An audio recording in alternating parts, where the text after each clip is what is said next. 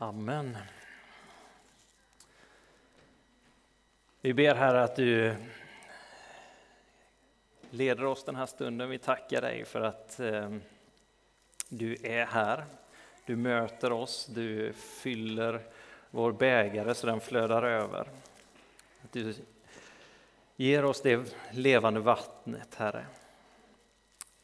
Du släcker vår törst, du mättar vår hunger. Jag ber att du leder oss den här stunden i, i ditt ord, i predikan, Herre, att vi får äta ditt ord, Herre, ta emot det som du ger oss. Vi ber dig i Faderns, Sonens och den helige Andes namn. Amen. Vi är den här eh, sommaren i en eh, serie genom apostlagärningarna och nu har vi kommit till kapitel 11.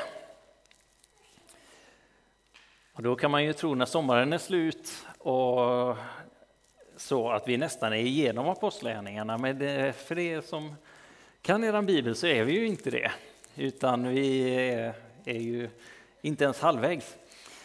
Men eh, vi har en söndag kvar.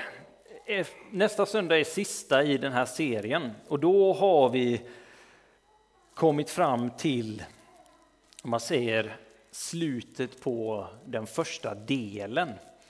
Sen går vi in i Paulus missionsresor och hur evangeliet sprids ut över hela den romerska världen.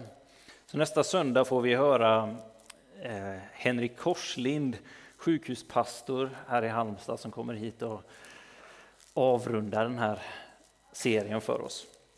Men idag är vi i kapitel 11.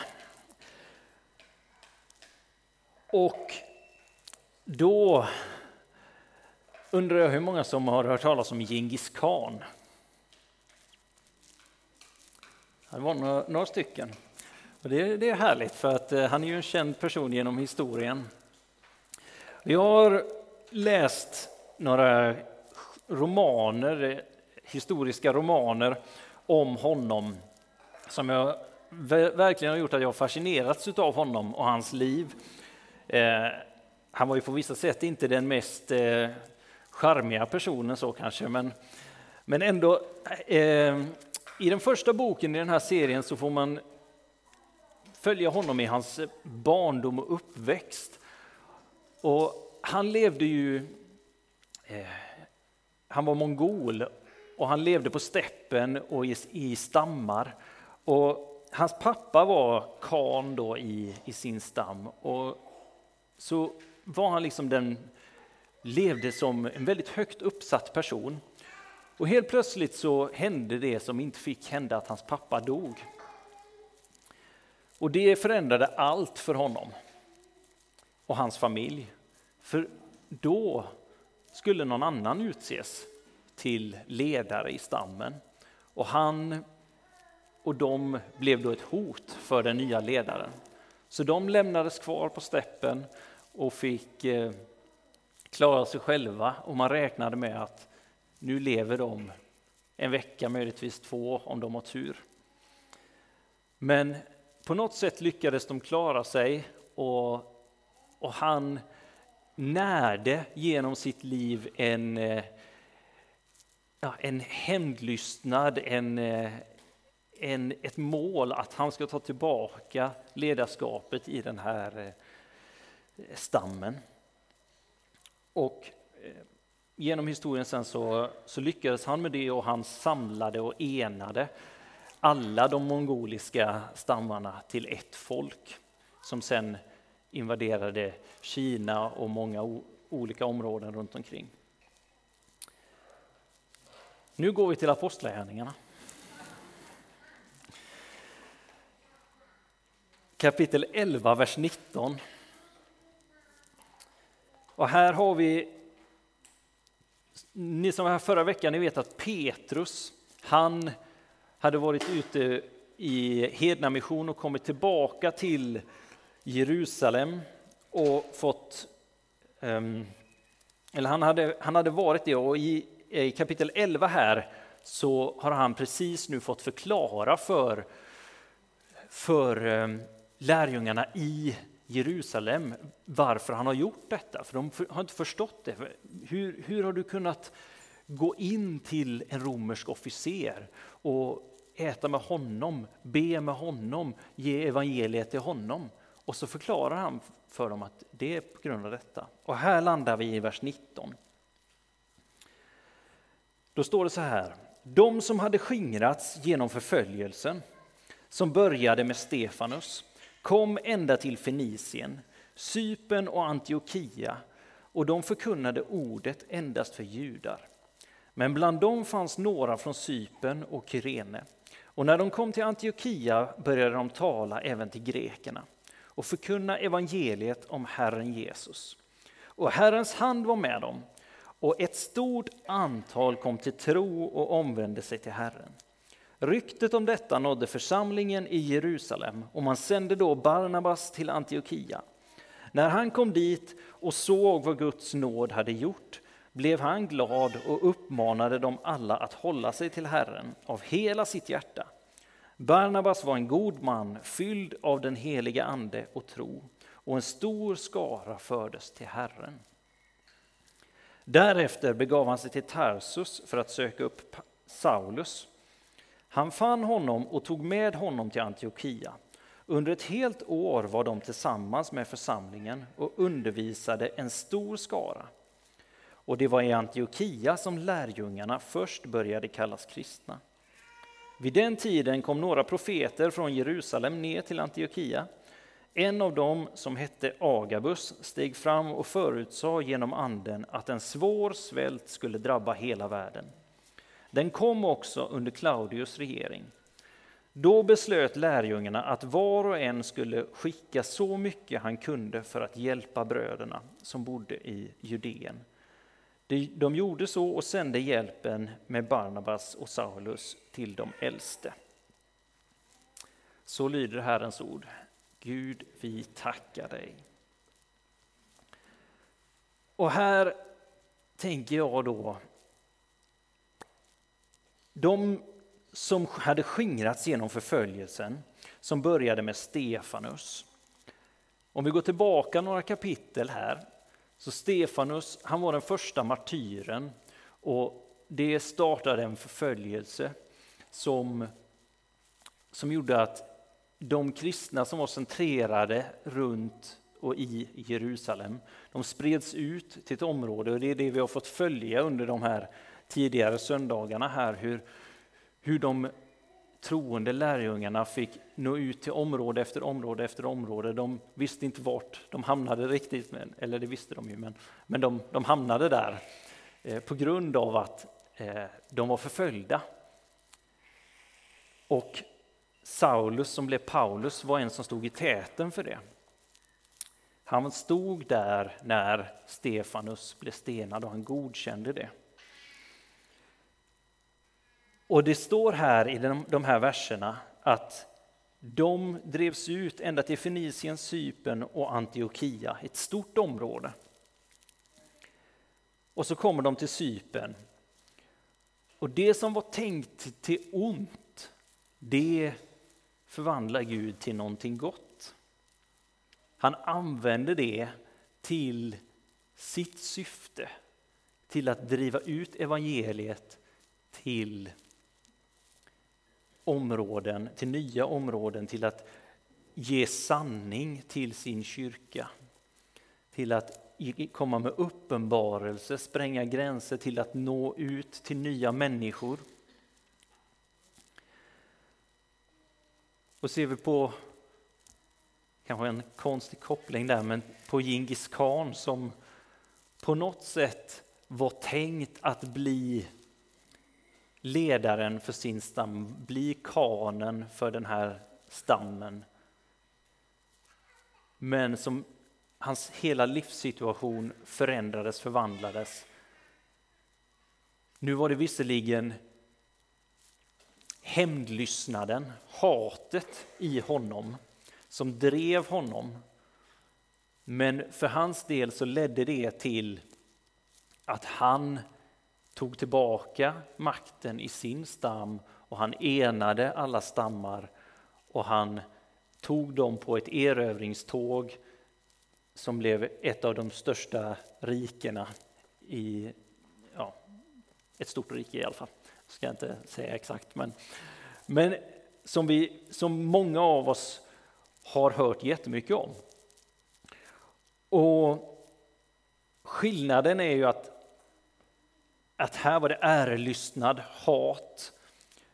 Och även om vi har läst jättemycket om honom, hört mycket om honom, så, så går det inte att jämföra med Guds rike. Det går inte att jämföra med, med utbredningen som, som Guds rike har haft och som vi ser idag. Mongoliska riket idag, hur ser det, hur ser det ut?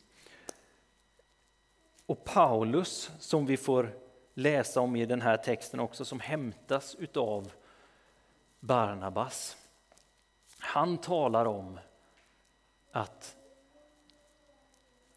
Guds kärlek ger honom inget val. Det är Guds kärlek som driver honom. Att det, han är fylld av någonting annat. Det är, inte, det är inte hans ära som driver honom. Det är, det är Guds ära som driver honom. Det är kärlek, Guds kärlek som han har mött som, som driver honom. Och de här människorna som inte ens står nämnda vid namn, vilka de är. Men bland dem fanns några från Sypen och Kyrene och när de kom till Antiochia började de tala även till grekerna och förkunna evangeliet om Herren Jesus. De har blivit drabbade av förföljelse och spridits ut. Och genom det så kan man tänka att det är lite nedslående. Det är lite tungt, det är lite utmanande. Och det var det säkert. De fick lämna sina, sina bröder och systrar, sina vänner i Kristus på olika ställen. De spreds ut åt olika håll. Men Kristi kärlek driver dem. Guds kärlek, den helige Ande, har gett dem någonting som är värt att lämna allt för. Som när de möter nya människor så är det det här som de är fyllda av. Det är det här som, som de kommer till en ny plats och känner att det är detta vi måste göra. Det är det här som är allt för oss. Det är det här som betyder allt. Här möter vi människor. Vi måste berätta för dem om det. Och de här människorna då som är grekisktalande, visserligen judar men kommer från Sypen och Kyrene kommer till Antiochia och säger vi, vi talar med dem här också. Vi talar med dem som är framför oss. Och nu har judarna, eller de troende i stycket innan här, de har haft det här samtalet om varför har Petrus varit inne hos hedningarna? Och i nästa stycke så, så gör de samma sak. De, och då, då reagerar de troende uppe i Jerusalem, lärjungarna och apostlarna. Och ryktet om detta nådde församlingen i Jerusalem. Och de funderar på vad är det som händer nu då? Det här utmanar oss igen. Vi känner inte igen det här. Och så sänder man Barnabas till Antiochia. Jag ska bara läsa ett litet stycke från en bok av eh, Peter Halldorf här. Som jag tycker sätter ord på lite av vad som händer väldigt bra. Han säger att varje andlig förnyelse väcker opposition i det egna lägret.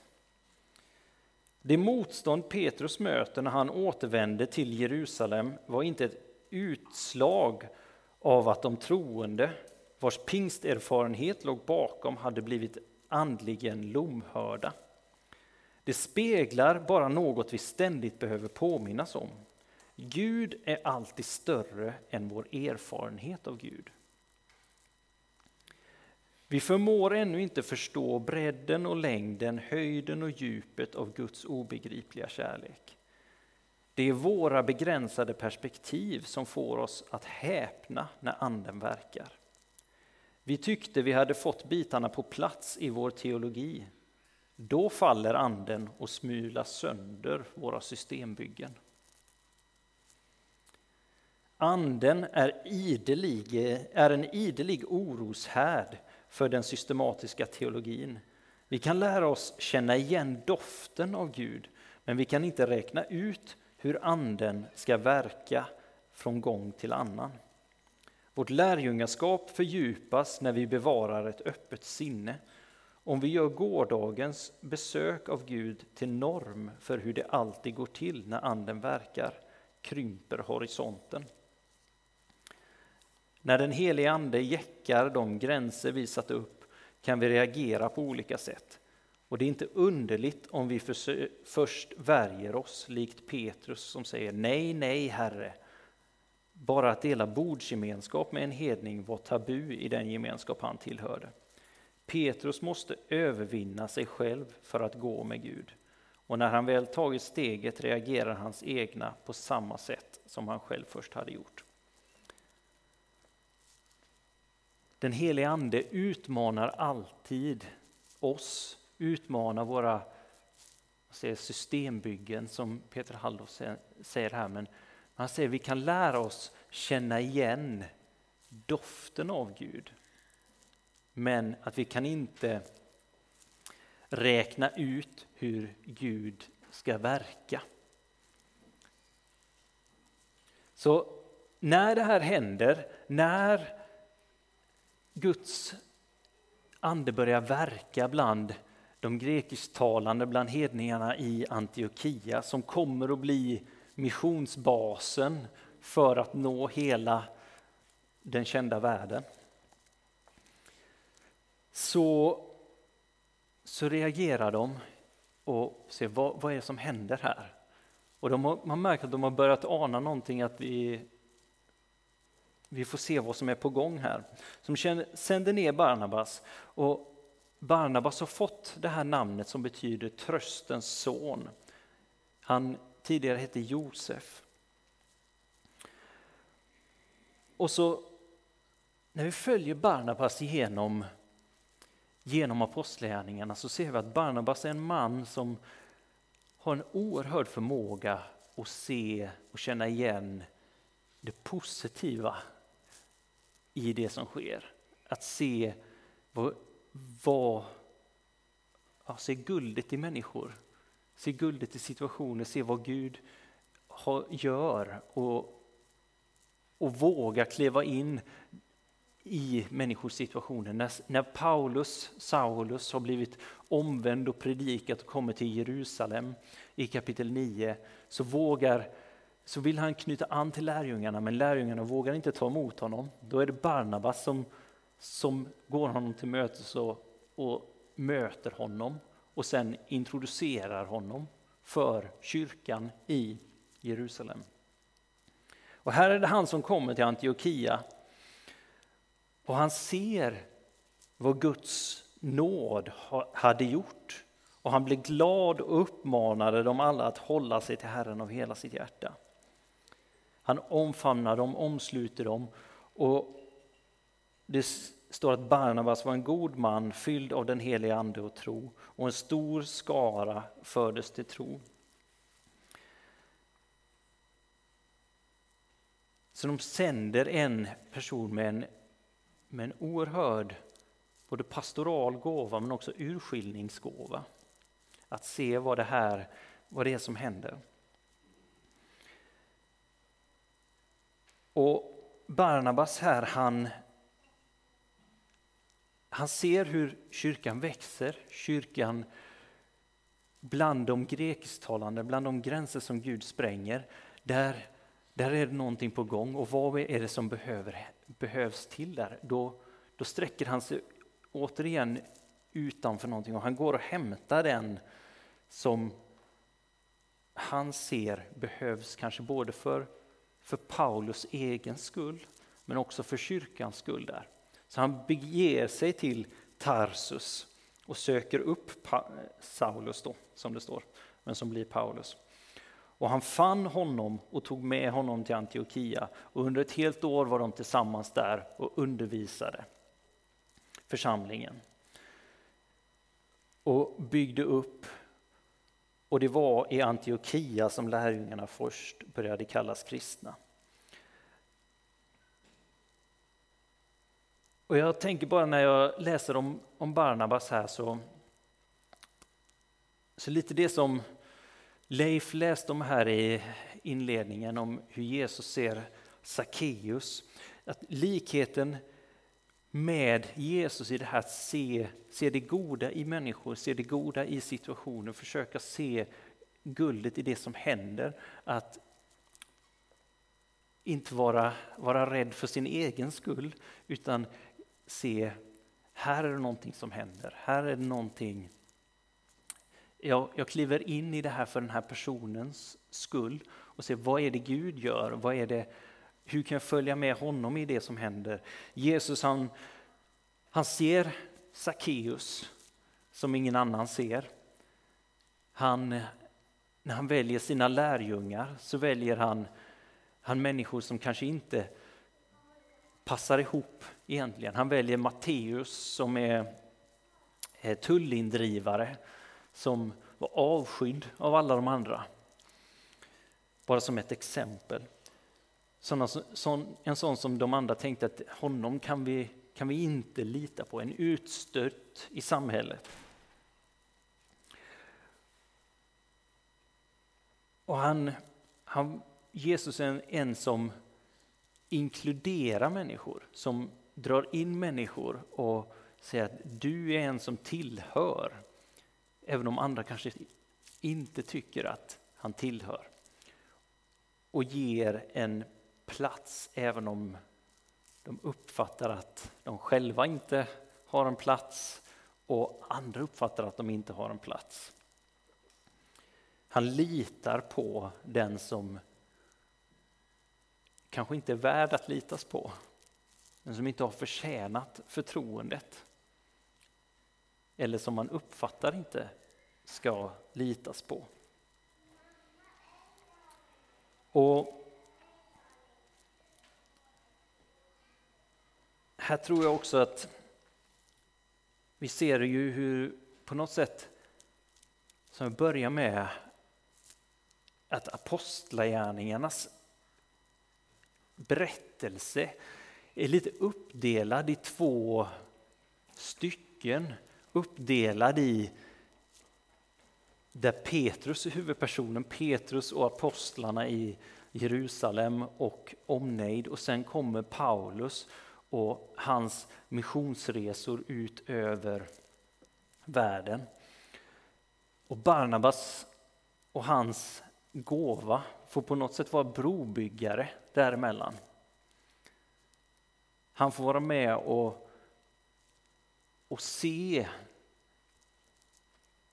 skeendet där. Han får, han får vara med och se, se guldet, se det här, det, det här är något att lita på, det här är något att bygga en plattform med. Det här, det här är inte trygg mark, men vi får, han är inte den vi talar om så jättemycket kanske, men, men han står i bakgrunden och lyfter fram de andra för att lyfta fram Paulus, lyfter fram och välsignar hedningarna i Antiochia att de får välsignas. Jag tror det sitter kanske människor här inne som, som känner att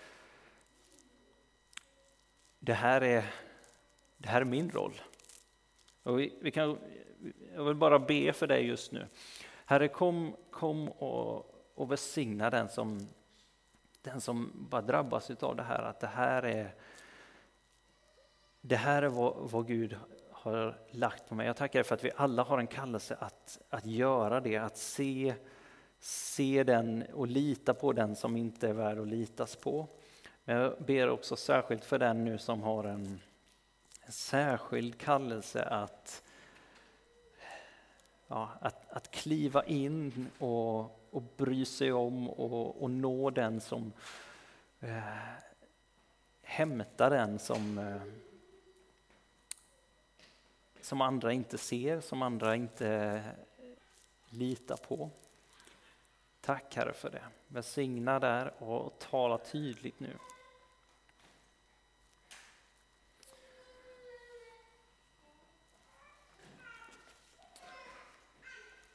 Och Jesus han, eller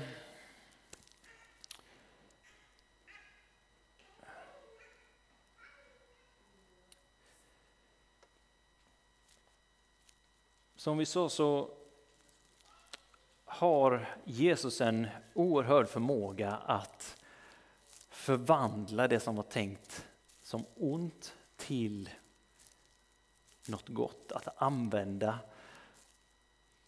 situationer som kanske känns som misslyckade till, till sin tanke. Och här,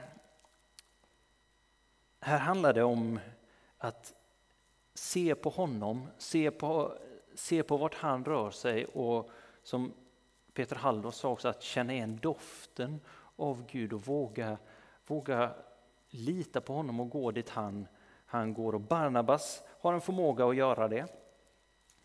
Och, och också kan odla, att det odlas i, i församlingen. För läser vi längre fram så ser vi också när, när helt plötsligt Barnabas och Paulus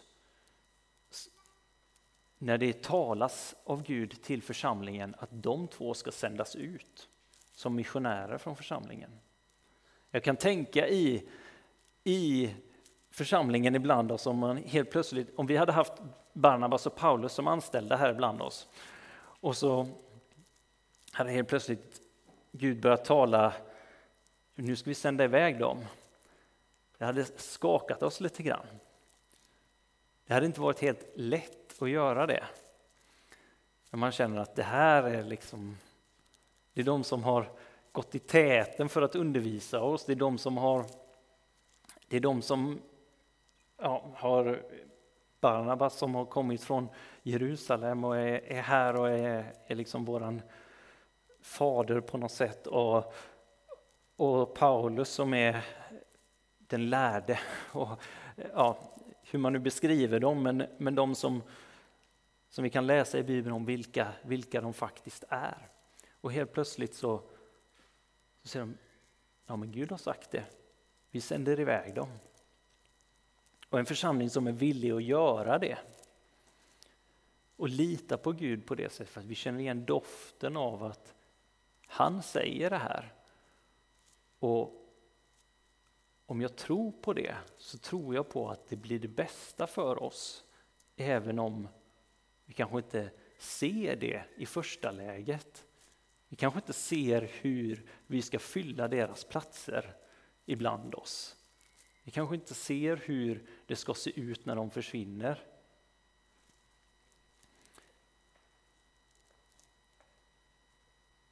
Men vi ser vad det ger för frukt när de har gjort det.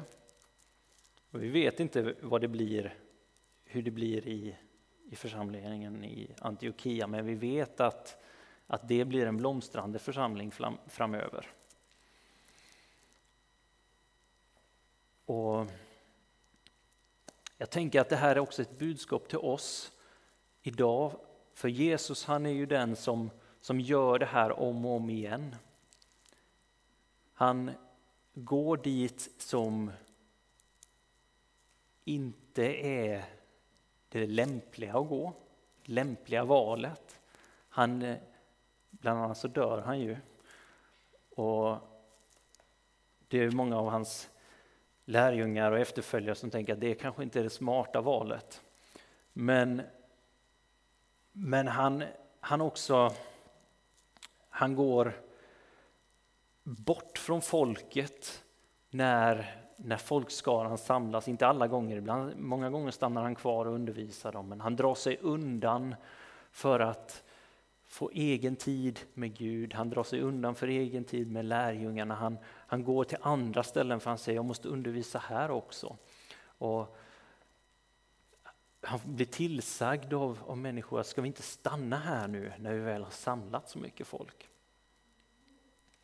Jag menar inte det som en princip för för oss. Men, men det här om att,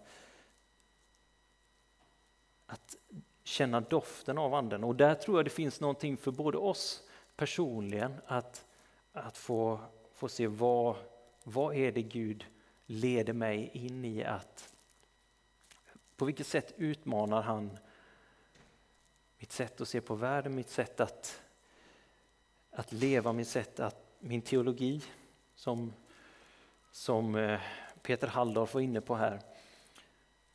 Men också så tror jag att, att vi kan få se på samhället idag fyllda av, av tro och hopp. Vi lever ju i en tid som är, är väldigt utmanande.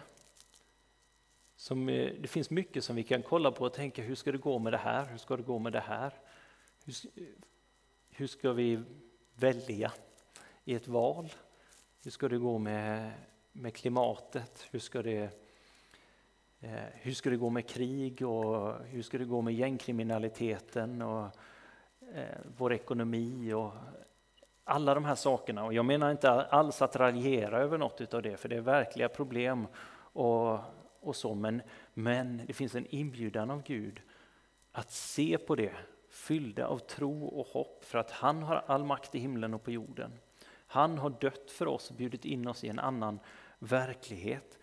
Och han, vi vet att han kan använda det som är tänkt av ondo till sin seger. Och vi vet inte hur det kommer se ut, vi vet inte om det kommer hända nu, men vi vet att han är den som kommer stå som segrare i slutet. Och vi vet att han, att han kan göra vad han vill och han vill leda med oss på den resan. Han kan använda det för att förändra människor, förändra sinnen. Att han är historiens Herre. Och att vi får lita på honom.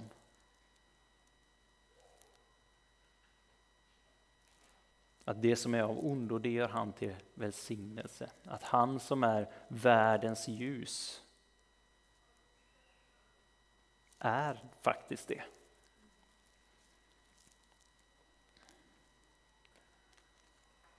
Och när saker bryter in som det gjorde för, för församlingen i Jerusalem.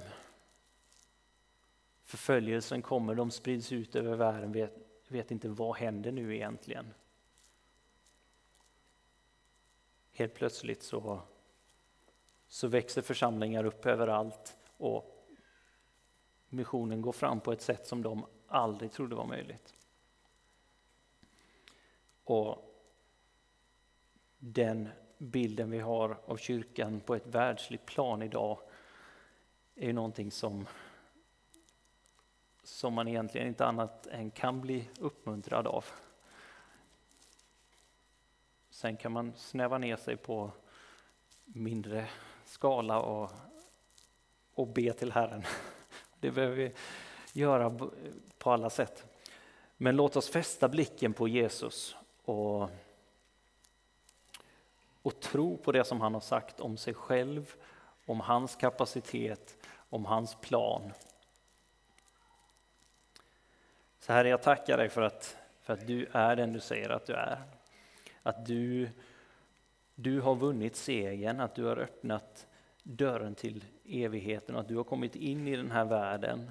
Och du är den här, du har all makt i den här världen. Och du du lämnar oss inte vind för våg här, Herre, utan du, du går vid oss sida genom, genom allt som vi möter. Genom alla utmaningar, genom all, all smärta, så är du med oss, Herre. Så kommer din tro, kommer ditt hopp, kommer din frid, kommer din glädje och låt oss bli fyllda av det och ge det vidare, Herre.